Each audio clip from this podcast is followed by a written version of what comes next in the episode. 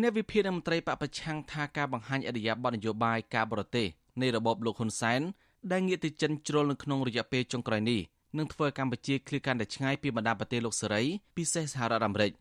ករណីនេះនឹងធ្វើឲ្យកម្ពុជាខាត់បង់ប្រយោជន៍សេដ្ឋកិច្ចពីក្រមប្រទេសទាំងនេះប្រធានប្រតិបត្តិគណៈបក្សសង្គ្រោះជាតិប្រចាំក្រុងភ្នំពេញដែលកំពុងភៀសខ្លួននៅក្រៅប្រទេសលោកមុនផល្លាលើកឡើងថាប្រទេសក្រីក្រច្រើនណាស់ដែលកំពុងលើកខ្លួនជំពាក់បំណុលចិនពីព្រោះតែការពឹងពាក់ចិនខ្លាំងជ្រុល លោកថាប្រទេសចិនមិនដែលខ្វល់ពីការគោរពសិទ្ធិមនុស្សឬក៏ប្រជាធិបតេយ្យទេគឺគេមើលឃើញតែផលប្រយោជន៍ហើយនឹងធនធានធម្មជាតិតែប៉ុណ្ណោះលោកថាការប្រឹងងាកនៅពេលនេះនឹងធ្វើកម្ពុជាឬក៏ប្រទេសខ្មែរជួបគ្រោះថ្នាក់នាពេលខាងមុខ ប្រទេសមួយចំនួនដែលពឹងពាក់ក៏ដូចជាយកចិនធ្វើជាខ្នងបង្អែកនេះគឺប្រទេសទាំងនោះគឺมันមានការរីកចម្រើន ផ្នែកវិស័យសេដ្ឋកិច្ចពិតប្រាកដទេហើយតែងតែទទួលរងនៅការរំលោភសិទ្ធិមនុស្សទទួលរងនៅការបាញ់សម្លាប់ប្រជាពលរដ្ឋខ្លួនឯងប្រតិកម្មរបស់មន្ត្រីបពប្រឆាំងនេះធ្វើឡើងក្រោយពីលោកហ៊ុនសែនចាត់ទុកចិនជាមិត្តដែលជួយគ្នាក្នុងគ្រាក្រ ហើយបានផ្ដល់វ៉ាក់សាំង COVID-19 ឲ្យកម្ពុជាបានទាន់ពេលវេលាលោកហ៊ុនសែនរំពឹងថានៅពេលជំងឺ COVID-19 បានថមថយទៅវិញលោកក៏ត្រូវការចិនកាន់តែខ្លាំងថែមទៀតដើម្បីជំរុញសេដ្ឋកិច្ចកម្ពុជាងើបឡើងវិញលោកក៏ប្រកាសគ្រប់គ្រងយុទ្ធសាស្ត្រនយោបាយខ្សែក្រវ៉ាត់និងផ្លូវរបស់ចិនខ្ញុំសូមសម្ដែងអំណរគុណយ៉ាងជ្រាលជ្រៅចំពោះសាធារណរដ្ឋប្រជាមានិតចិនដែលបានយកចិត្តទុកដាក់ជួយគ្រប់គ្រងយ៉ាងឃ្លាវខ្លាដល់កម្ពុជា តាមរយៈការផ្ដល់ជំនួយ ទាំងផ្នែកបច្ចេកទេសនិងសម្ភារៈនិងជាពិសេសជំនួយជាវ៉ាក់សាំងបង្ការ COVID-19 ដោយពាក្យស្លោកថាមិត្តល្អជួយគ្នាក្នុងគ្រាមានអាសន្នលោកហ៊ុនសែនលើកឡើងបែបនេះនៅក្នុងពេលដែលលោកថ្លែងក្នុងកិច្ចប្រជុំកំពូលរវាងថ្នាក់ដឹកនាំនៃគណៈបកកុម្មុយនីចិននិងគណៈបកនយោបាយលើពិភពលោកកាលពីយប់ថ្ងៃទី6ខែកក្កដាតាមប្រព័ន្ធវីដេអូ នៅថ្ងៃទី7ខែកក្កដាគណៈបកប្រជាជនកម្ពុជាបានចេញសេចក្តីប្រកាសព័ត៌មានបង្ហាញលទ្ធផលនៃការចូលរួមរបស់លោកហ៊ុនសែននៅក្នុងសន្និសីទកំពូលនេះដែលមានចំណុចសំខាន់ៗដូចជា ទី1សន្និសីទកំពូលនេះបានស្នើគណៈបណ្ឌនយោបាយនៅតាមបណ្ដាប្រទេសទាំងអស់បដិញ្ញាចិត្តក្នុងការកសាងគុណតម្លៃរួមគ្នារួមមានសន្តិភាព ការអភិវឌ្ឍសមភាពយុត្តិធម៌ប្រជាធិបតេយ្យនិងសេរីភាព